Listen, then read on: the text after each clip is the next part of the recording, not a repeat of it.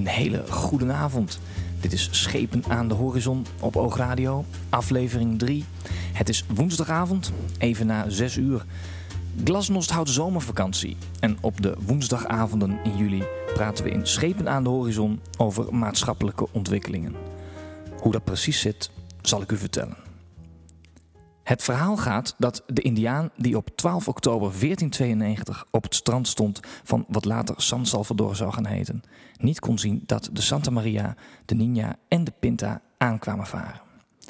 Hij zag alleen vreemde rimpelingen in het water. De schepen van Columbus kon hij niet waarnemen omdat hij ze zich niet kon voorstellen. Zijn hersenen konden de informatie die ze van zijn ogen kregen eenvoudigweg niet verwerken. Mensen zijn zo sterk geconditioneerd dat ze alleen dingen kunnen zien die ze kennen en mogelijk achten. Zo luidt de moraal van het verhaal. We weten niet of het waar is, maar we weten wel dat het met de Indiaan slecht is afgelopen. In Schepen aan de Horizon praten we over de vreemde rimpelingen die we zien in de hedendaagse economie en samenleving. Van minimum viable product tot too big to fail en van thuisonderwijs tot ontspecialisatie van alles passeert de revue. En steeds vragen we ons af: wat zien we hier eigenlijk? En vooral, wat zien we niet, maar komt wel recht op ons af?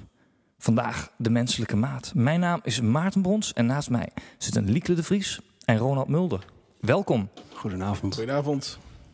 Ja, um, uh, de menselijke maat uh, vandaag, uh, heren. Vertel eens, waarom is eigenlijk alles zo groot? Uh, hoe, hoe, alles? Alles? Nou ja, um, hè, um, de menselijke maat. Da dat is waar we vandaag uh, uitvoerig bij stil gaan staan. Het, het ja. lijkt er wel op alsof heel veel organisaties niet meer in de gaten hebben waar het ooit om, om begonnen is. Nee, nou, ik heb net gehoord op het journaal dat de menselijke maat is 133. Ja. 133 wat? Maximaal 133 Maxi ja. per jaar. Mogen per jaar mogen er in Nederland 133 treinen door rood rijden. Dat zou toch een nul moeten zijn?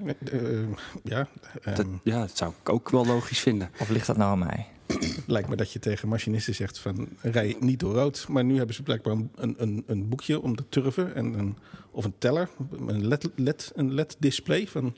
En er staat op, we staan nu op 120, nou mag ik nog 13 keer. En bij de 134ste volgen er pas sancties.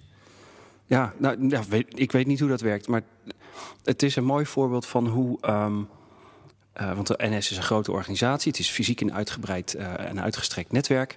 Daar gebeurt natuurlijk van alles waar je niet continu uh, een oog op kunt houden, geen oogje in het zeil kunt houden. Um, en natuurlijk is het belangrijk dat de treinen niet door rood rijden, anders krijg je botsingen of andere nare ellende. Um, maar in plaats van dat de organisatie gezegd heeft: we willen dat het niet gebeurt en we zorgen ervoor dat dat ook uh, uh, zo uh, ge, bewaakt wordt, is er kennelijk een keer gepolderd naar dat het dan per jaar maximaal 133 keer mag gebeuren. Zeg, per ongeluk. Of dat je het niet doorhebt. Ja. Of dat je het later pas doorhebt. En dat je dan sorry kan zeggen als het maar niet vaker dan 133, 133 is. Ja. En dan zeggen we dus eigenlijk 133 keer sorry. Ja, ja. Nou, sorry, worden, sorry zeggen, dat wordt nog heel groot uh, in de komende jaren. Dat, uh... Nee, maar waarom zijn organisaties groot? Dat is een goede vraag, uh, Maarten. Dat, um, ik, ik heb ooit economie gestudeerd. En um, gek genoeg was er pas in 1937 iemand, Ronald Coase, die heeft daar heeft een artikel geschreven van, ik geloof, acht kantjes, niet veel meer. Met, um, met zonder wiskundige formules, wat, waar economen over het algemeen dol op zijn. En daar, ongeveer daarvoor heeft hij de Nobelprijs gekregen later. En daarin legde hij uit, uh, het, het, artikel heet uh, The Nature of the Firm. Um, en daarin legt hij uit waarom er eigenlijk bedrijven bestaan.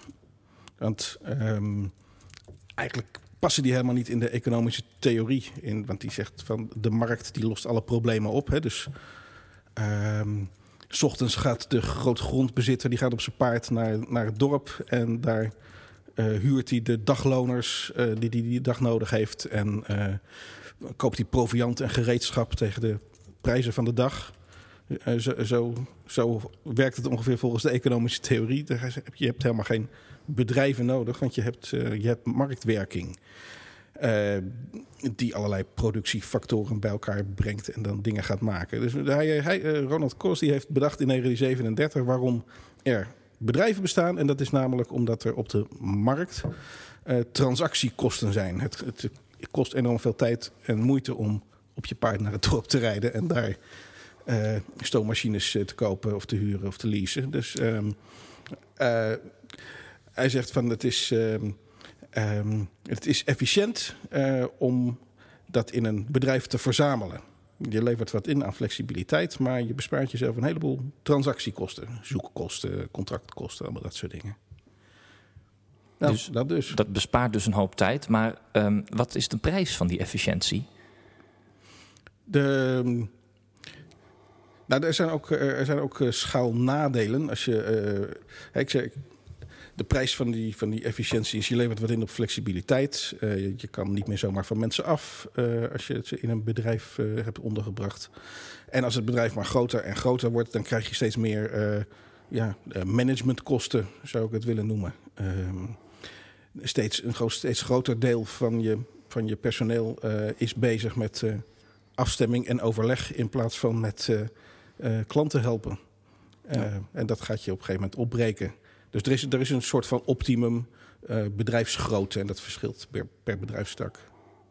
Het is misschien wel een klein beetje te vergelijken met um, hoe mensen allerlei verschillende vormen, maten en gedaantes hebben, maar op een gegeven moment duidelijk te veel gewicht kunnen hebben. Um, uh, en dan dus ook niet meer zo gezond zijn als iemand anders. Maar er bestaan uh, grote, sterke, stevige mensen. Er bestaan hele slanke, dunne mensen, klein, kort, lang. Dat geldt voor bedrijven net zo. Ze hebben afhankelijk van de markt en afhankelijk van uh, het soort werk wat er dan in het bedrijf gedaan moet worden, kunnen ze heel verschillende vormen krijgen. En nou ja, dan ben je een fitte organisatie. Dan heb je er voordeel bij het is ook super handig bijvoorbeeld dat wij uh, twee handen hebben. Dan kan er nog eens wat gebeuren met eentje, uh, om maar even wat te noemen. Um, maar uh, ja, als op een gegeven moment dat uit balans raakt, dan ontstaan de nadelen. Dan wordt het organiseren te duur. Dan wordt de huisvesting te mooi en derhalve te duur. Dan is er te veel afstand tussen de klant en de mensen die beslissen over wat de klant wel of niet krijgt. En dan voelt de klant zich niet meer goed bediend. En dan wordt er gemorreld. Grote, grote organisaties, grote bedrijven zijn niet per se of per definitie slecht natuurlijk. Hè. Dat, uh, uh, in, in, in laten we zeggen, de olieindustrie, waar uh, de productiemiddelen boorplatforms en, en mammoetankers en zo zijn. Daar heb je al snel grote bedrijven nodig om dat allemaal te, te draaiende te houden en te financieren. En, um, dus daar, daar is het wel logisch dat bedrijven groot zijn en daar is ook niks op tegen. De, de, de, vuistregel is eigenlijk dat als er, als er maar marktwerking is, als er concurrentie is, hè, dan zorgt de markt wel dat die bedrijven niet uh, onnodig uh, uh, vet en vatsig worden.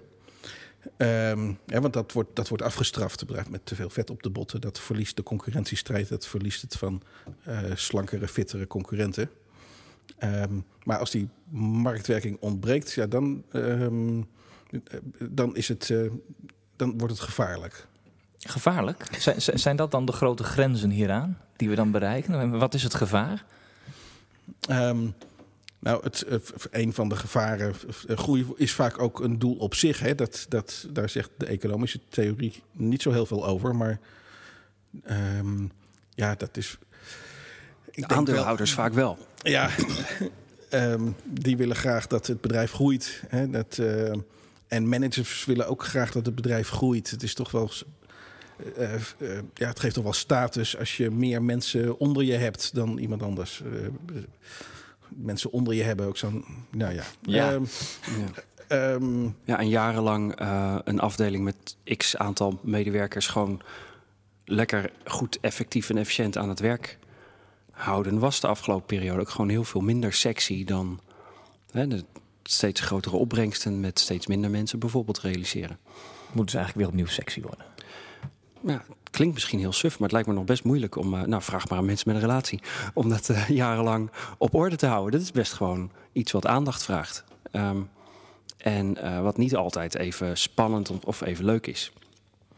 En nou, we zijn ook niet aan het vertellen dat, uh, dat zei gewoon niet alle grote bedrijven zijn slecht. Uh, niet alle bedrijven zijn slecht. Niet alle mensen zijn slecht. Maar op het moment dat een bedrijf zo groot wordt dat het langzaamaan wat vetter wordt, dan ontstaan er ook meer hoekjes waarin mensen toch vrij ongezien hun eigen gang een beetje kunnen gaan. En dan krijg je natuurlijk allerlei praktijken uh, die het bedrijf wel geld kosten en de klant eigenlijk helemaal niks opleveren. En dat zijn een soort van de, de, de kankergezwelletjes in organisaties. Maar goed, nou beginnen we de metafoor misschien iets te ver door te voeren. Ik hoorde net een van jullie al het woord afdeling gebruiken. Moeten we, moeten we daar niet ook gewoon vanaf? Al die afdelingen? Of meer het, het model van Eckhart Winsen? Um, ja, het. het um, afdelingen, een, een organisatiemodel met uh, het traditionele, uh, het traditionele harkmodel, zeg maar. Dat, uh, als je de organisatie tekent, dan teken je een, een harkje met één, één poppetje bovenin en dan drie daaronder. En die hebben weer ieder drie onder zich. Je kan het je voorstellen, zo ongeveer. Ja, dat geeft, wel, dat geeft het gevoel, of de illusie geeft het van controle. Hè? Want die daar bovenaan staat, die overziet alles. Um, maar die afdelingen, dat, dat, die, die hebben de neiging om een soort van uh, autonome koninkrijkjes te worden. Um, silo's wordt het ook wel genoemd. Um, en vooral bezig te zijn met, met zichzelf belangrijk te maken.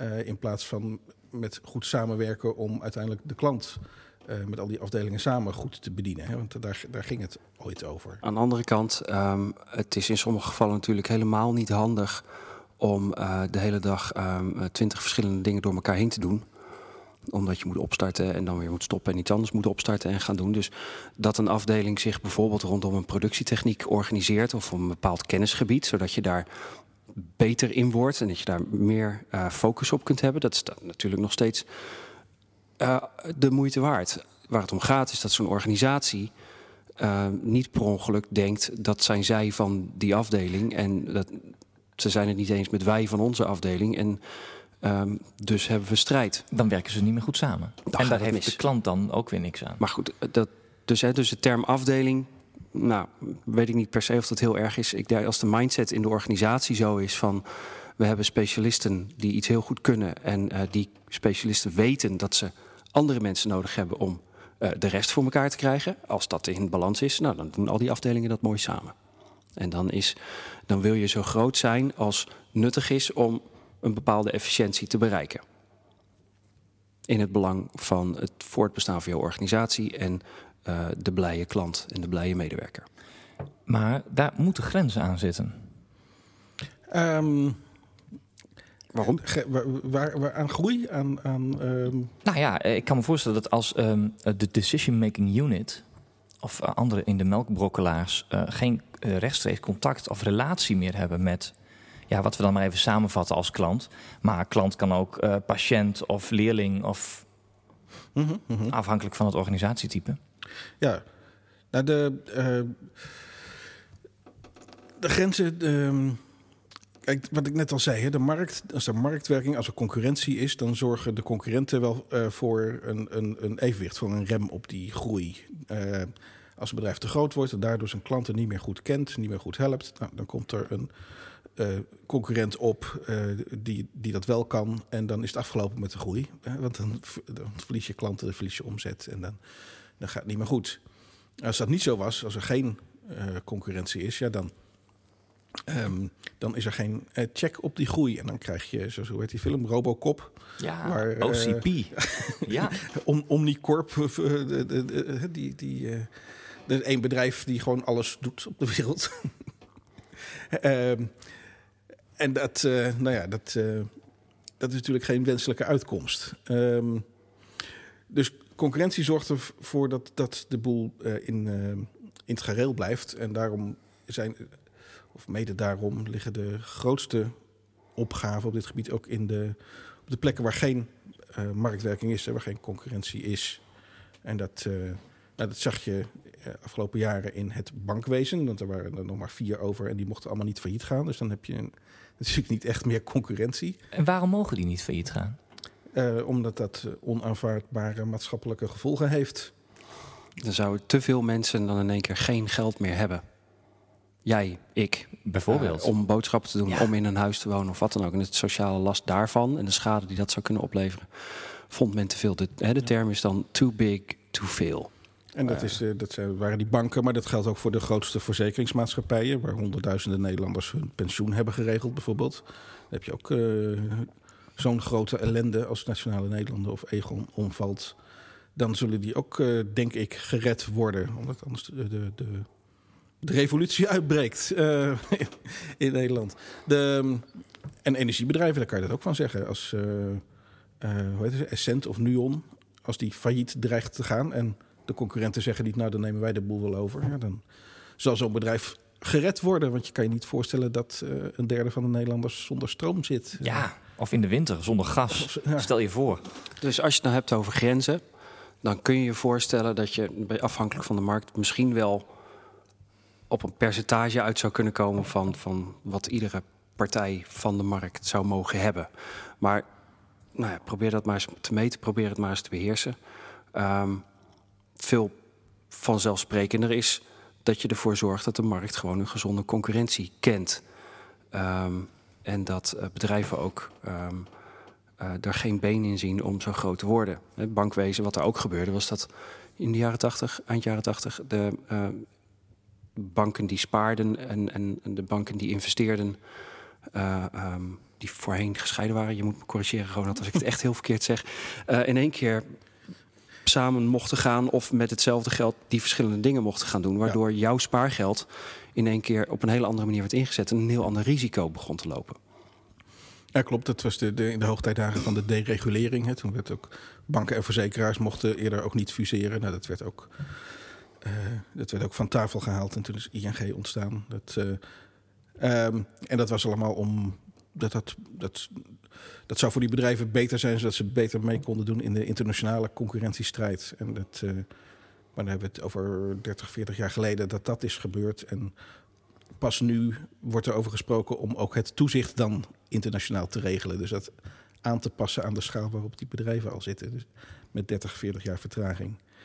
Ehm, maar goed, dat, dat gaat allemaal misschien een beetje ver. Ehm, Ja, want het ging over de menselijke maat vandaag. Ehm, Ja, hoe, dit is heel duidelijk. Eh, dit wordt zo groot dat, ehm, dat het te groot is. Je kunt niet met een hele simpele formule stellen van dit is eh, hoe groot groot genoeg is.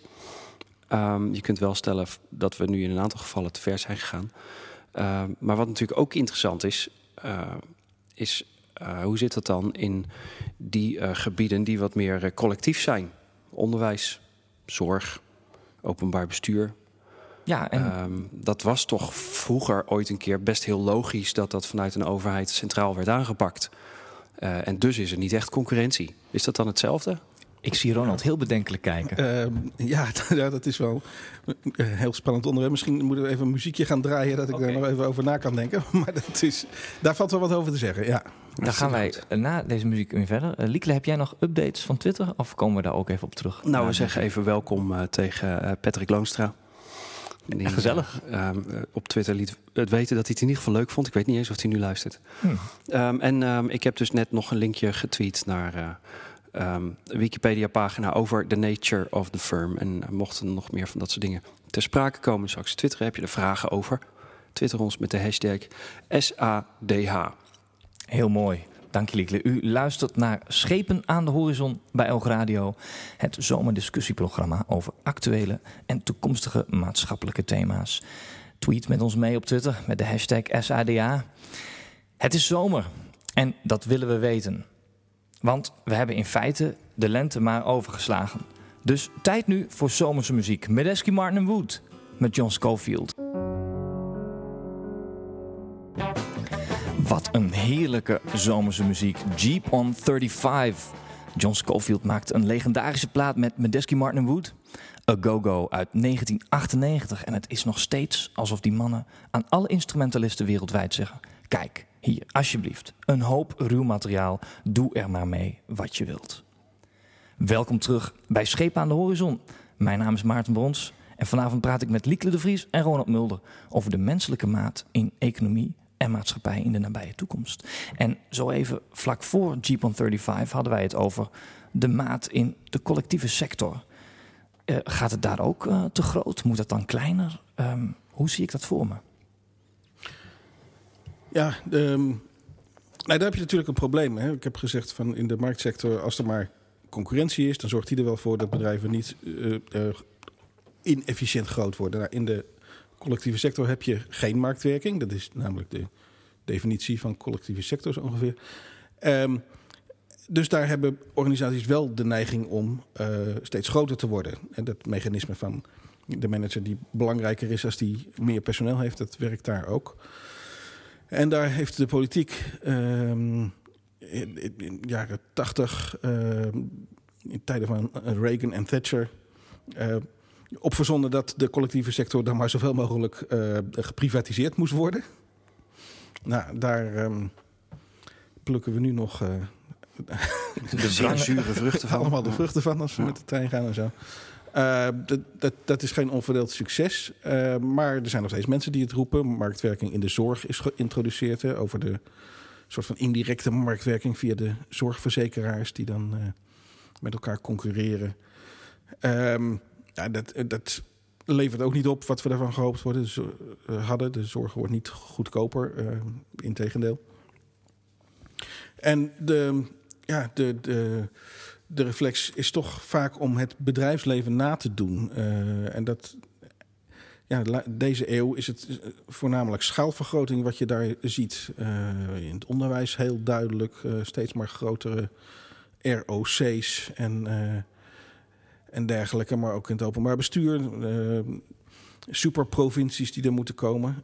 terwijl er heel erg weinig bewijs is, integendeel, dat dat efficiënter is. Dat, het wel, dat scholen betere prestaties leveren als ze uh, gefuseerd zijn. Of dat gemeenten beter functioneren na een herindeling. Uh, dat, er lijkt eerder uh, van het tegendeel sprake te zijn. We hoorden laatst over een kleine kentering op dat vlak in Rotterdam, meen ik. Hè? Waar de twee grootste scholengemeenschappen fuseerden. Of op het punt staan te fuseren. Ja. En uh, hebben aangekondigd dat ze na die fusie uh, uiteen zullen vallen. Nou, ik denk niet dat de organisatie uit elkaar valt, maar dat. Ja, ze willen zich echt splitsen. Echt splitsen, ja, echt splitsen. In zeven verschillende opleidingen. Ja, want het zijn nu twee brede ROC's, het uh, Zatkin en het uh, Albeda. Uh, en die bieden alles aan. En die zijn, zelfs mensen die er werken, kunnen niet uitleggen wat het verschil is tussen de twee. um, dus, en ja, niemand voelt daar eigenlijk iets bij of is er trots op dat hij daar op school zit of dat hij daar werkt. En ze, ze hebben inderdaad gezegd van, uh, nou, eerst voegen we alles bij elkaar, want het heeft geen zin om elkaar daarop te beconcurreren. En we maken daar gewoon zeven scholen van een technische hoge, hogeschool en een, een, een, administratieve hogeschool en nou, nog vijf die ik nu even niet kan verzinnen. Maar uh, dus eigenlijk een beetje terug naar vroeger, naar de HAO en de HTS en dergelijke. Of nee, het gaat om middelbaar onderwijs, hè, dus MEAO en MT, MTS moet ik zeggen. Um, maar iets wat voor mensen herkenbaar is en waar ze uh, hopelijk dan wel met uh, plezier en met trots uh, heen gaan. Dat, dat zijn ze daar serieus verplant. Dat is wel een hele mooie kentering, vind ik. Ja, nou, eens natuurlijk. Um, en hoe dat met die collectieve sector moet. er is daar natuurlijk, we hebben er met z'n allen belang bij als samenleving dat we op bepaalde zaken kunnen rekenen en dat die ook niet te veel geld kosten. De, efficiëntie, schaalgrootte, kan daar natuurlijk juist een wens zijn, omdat jij en ik dan een goedkopere dienst geleverd krijgen door onze overheid of door een zorginstelling dan wanneer dat niet het geval was. Um, maar de manier waarop het op dit moment gebeurt is in ieder geval nog niet uh, zo goed dat dat zeker weten lukt. En dat zal voor een deel te maken met nou, die toegenomen overhead. Mensen die zeggen van nou lekker veel mensen onder mij, onder mij in het uh, harkjesmodel. Daar voel ik me goed bij. Uh, tegelijkertijd um, het wordt natuurlijk ook door de vergrijzing... wordt gewoon meer aan de zorg gevraagd de komende jaren steeds meer. En daar was het model helemaal niet op ingericht. Het model was erop ingericht dat we meer jonge mensen hadden dan oude. En dat is ondertussen aan het omdraaien. Dus daar moet misschien nog wel iets heel anders verzonnen worden. Ja, en of wij dat vanavond gaan doen? Nee. Tenminste, niet, niet in het uurtje dat we hebben, want we hebben nog andere dingen om over te kletsen, toch? Ja, want ik zit ook te bedenken um, dat met bijvoorbeeld een Customer Relationships Management systeem, CRM uh, en dergelijke, als je dat dan consequent en, en nauwkeurig toepast, dan, dan uh, kan dat wel goed werken, toch? Kan, kan een van jullie dat misschien uh, belichten? Ja, Nou ja, dat, dat is natuurlijk ook niet per se nieuw. Hè. Dat, dat, hebben bedrijven doen dat al uh, zolang als er bedrijven zijn. Dat ze denken van nou, wat is handig als we de informatie die bij ons bedrijf hoort slim organiseren. En uh, dankzij de computers en dankzij databases kun je dat tegenwoordig nog mooier dan vroeger. Um, en um, dat is één aspect waar je schaalvoordelen hebt, natuurlijk. Hè. Een organisatie heeft dan minder geld nodig om zijn informatie te kunnen beheren. En kan jou dus beter helpen op het moment dat jij contact zoekt met een vraag, bijvoorbeeld. En uh, als ze het Customer Relation Management systeem goed hebben ingericht, dan ga jij dat contact zelfs nog als vrij persoonlijk ervaren, omdat ze weten hoe je heet en dat ze weten of je een mannetje of een vrouwtje bent in de leeftijd. En alles wat relevant is voor de vraag die je specifiek hebt op dat moment. Ja. Um, en, het maakt niet uit of je belt of uh, schrijft of uh, DM't op Twitter. De, degene, en het maakt niet uit wie er aan de andere kant zit. Je tikt jouw naam in op de computer uh, of je telefoonnummer. Of je, en hij krijgt je hele dossier voor zijn neus of haar neus. En weet precies jouw geschiedenis en met wie je eerder contact hebt gehad en wat er aan je beloofd is. Ja. en kan jou dus helpen. en dat 24 uur per dag is dat in de lucht, uh, zeven dagen per week.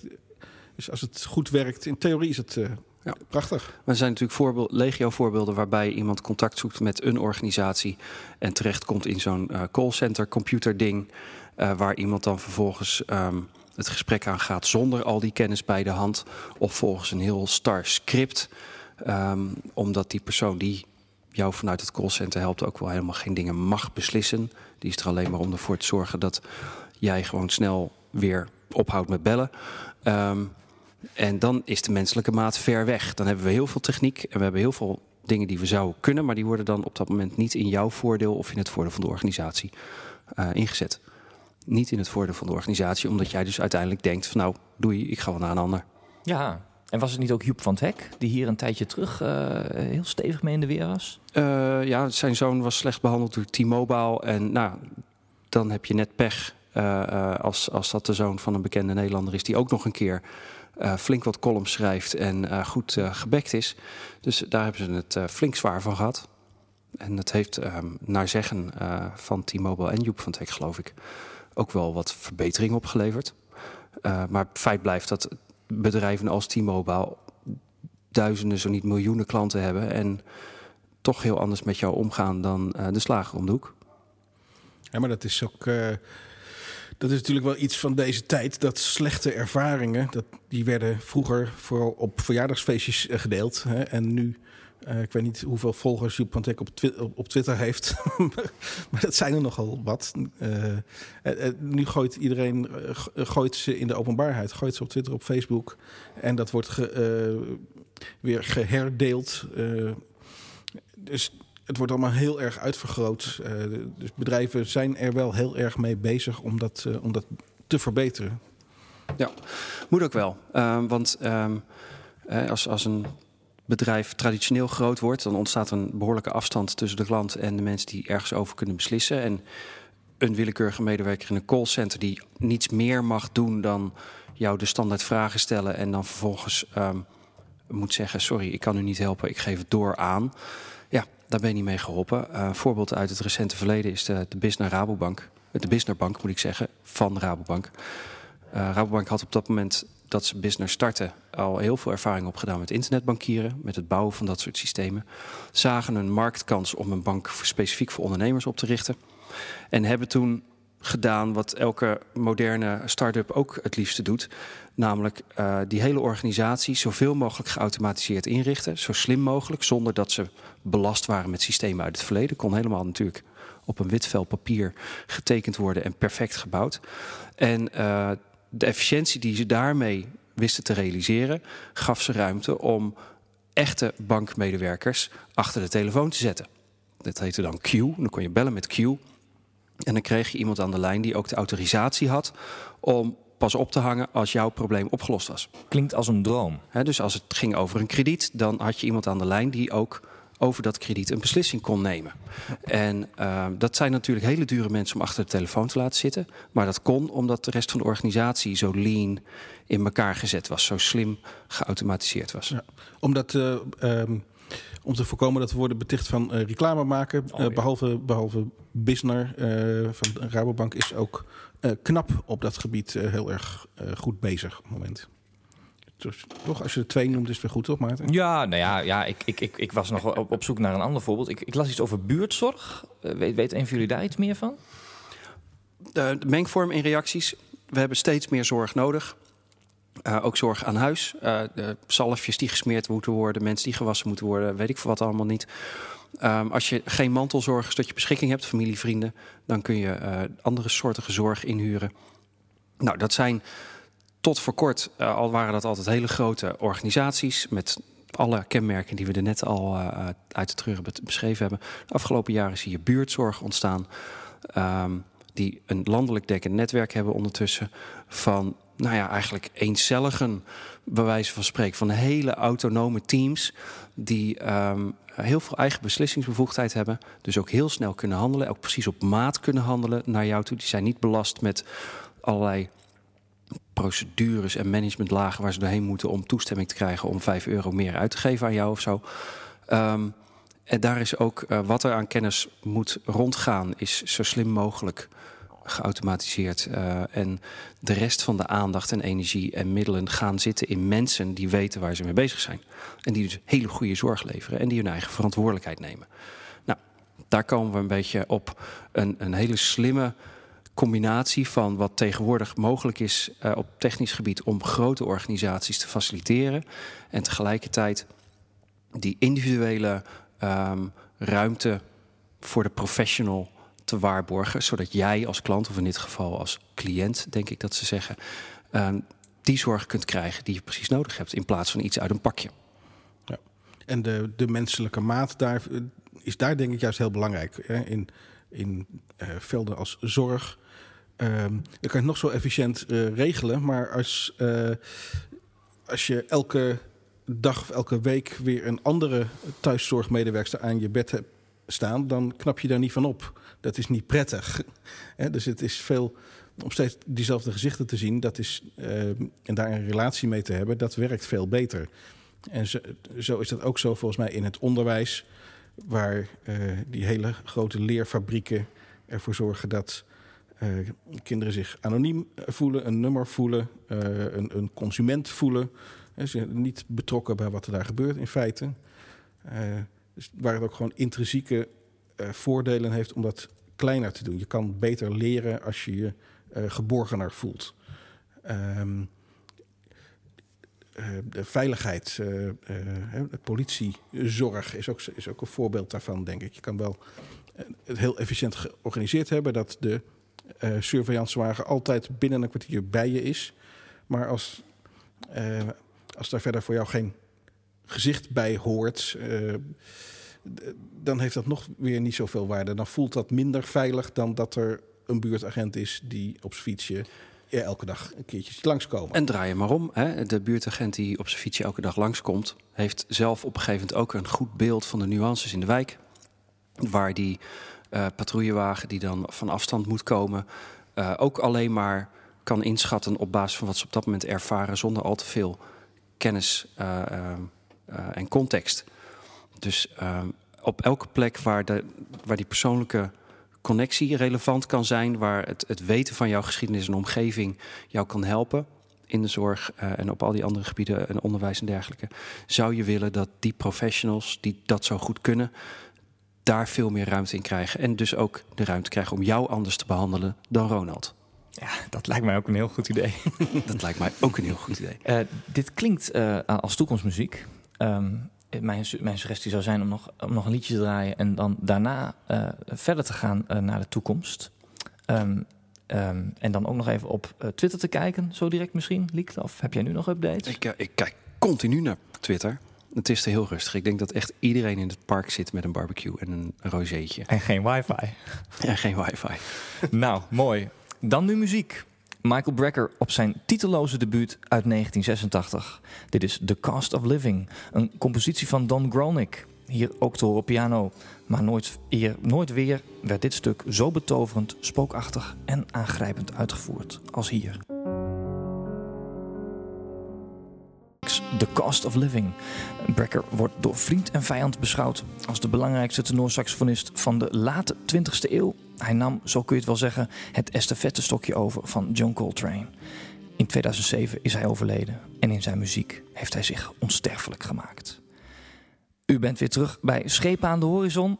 Het is woensdagavond 17 juli 2013 en we praten in dit uur over de nabije toekomst. De menselijke maat in economie en maatschappij. En hoe brengen we die terug en waar gaan we heen? En hoe moet dat in de nabije toekomst? Bijvoorbeeld, wat zijn nou de voordelen voor kleinere bedrijven juist? Nou, dank, dankzij internet en alles wat ermee te maken heeft, uh, hebben kleine bedrijven steeds meer ook de mogelijkheden van grotere bedrijven. Met andere woorden, de schaalvoordelen van grote bedrijven worden uh, steeds minder. De, ook een klein bedrijf kan via guru.com uh, programmeurs in India of Wit-Rusland inhuren. En dat is helemaal niet ingewikkeld. Je zet daar een opdracht uit, net zo makkelijk als op hoe heet werkspot.nl. je moet alleen zorgen dat je Engels kan schrijven. En dan komt dat goed. Um, er staan netjes, uh, die, die programmeurs uit India hebben netjes referenties staan. Je kan checken of het wat voorstelt. Je kan kijken of die prijzen een beetje marktconform zijn. Het is een kwestie van minuten. Hetzelfde geldt voor uh, prototypes laten maken of kleine badges laten maken in China. Dat is allemaal zo simpel geworden. Daar hoef je geen multinational voor te zijn. Dat kan ook een uh, klein bedrijf uh, hier om de hoek. En dus de grote bedrijven die krijgen ook steeds meer concurrentie van de kleintjes. Uh, en die kunnen zich steeds minder permitteren om inefficiënt te zijn, vatsig te zijn, klanten slecht te behandelen. Dat, dus in de, in de commerciële sector denk ik dat klein en groot netjes naast elkaar kan bestaan en zich en elkaar scherp houdt. Daar, daar, daar, komt het allemaal wel goed volgens mij. Ja, dat is. Um de commerciële sector. Maar hoe zit het dan eigenlijk in de collectieve sector? Zo, zo, zojuist vlak voor de cost of living hadden we daar ook nog even over. Um, heeft Klein daar ook de toekomst? Of hoe moeten we dat voor ons zien? Ja, daar, dat, dat, moeten we nog gaan ontdekken. Um, dat is uh, spannend. Hè, buurtzorg is een voorbeeld waar um, dus Klein wel lijkt te werken. Laten we voorzichtig blijven. Um, ik denk dat het wel moet. Ik denk dat het oude model niet houdbaar is. Hè. We betalen nu in Nederland uh, de helft van ons inkomen, even grofweg, uh, aan de overheid. En die organiseert daar allemaal mooie dingen voor. Um, en dat, dat, die 50 het is meer dan 50 procent, maar dat, het is niet goed denkbaar dat dat oploopt naar 60, 65 procent. Uh, wat eigenlijk wel nodig is met vergrijzing en alles.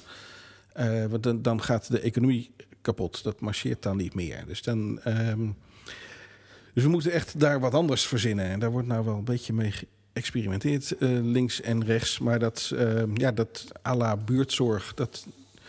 Kijk, um, misschien een heel raar voorbeeld. En misschien dat het voor uh, dat andere mensen daar heel anders over denken. Maar is het niet um, logischer om allemaal de helft van je tijd uh, te besteden aan het um, onderwijzen van kinderen, aan het verzorgen van ouderen, bij jou in de straat of in je onmiddellijke omgeving of in het dorp. In plaats van dat je de helft van je inkomen afdraagt aan de overheid die dat voor je organiseert. En dat is, dat is een. Misschien roept iedereen nou nee, dat is helemaal geen goed idee. Moet ik met die oude moeder van me, die heb ik net lekker weggestopt. Um, maar ik denk dat dat wel een interessant denkmodel is, op zijn minst. Dat is een andere manier om hetzelfde te organiseren.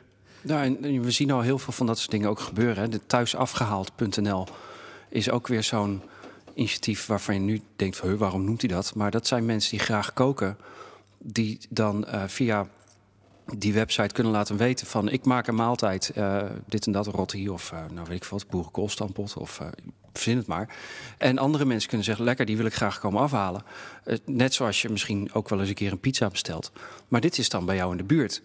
Um, je, dergelijke, je, ont, je ontmoet nog eens iemand? Dergelijke mechanismes voeden natuurlijk wel weer de samenhang in een omgeving. En waarom zou je niet een thuis afgehaald hebben en een thuis onderwezen en een thuis getraind voor fitness of weet ik veel wat? Het is natuurlijk, het is een goed voorbeeld. Het is niet, natuurlijk ook weer niet het idee dat iedereen zelfvoorzienend wordt. Uh, dat, dat is ook niet kansrijk.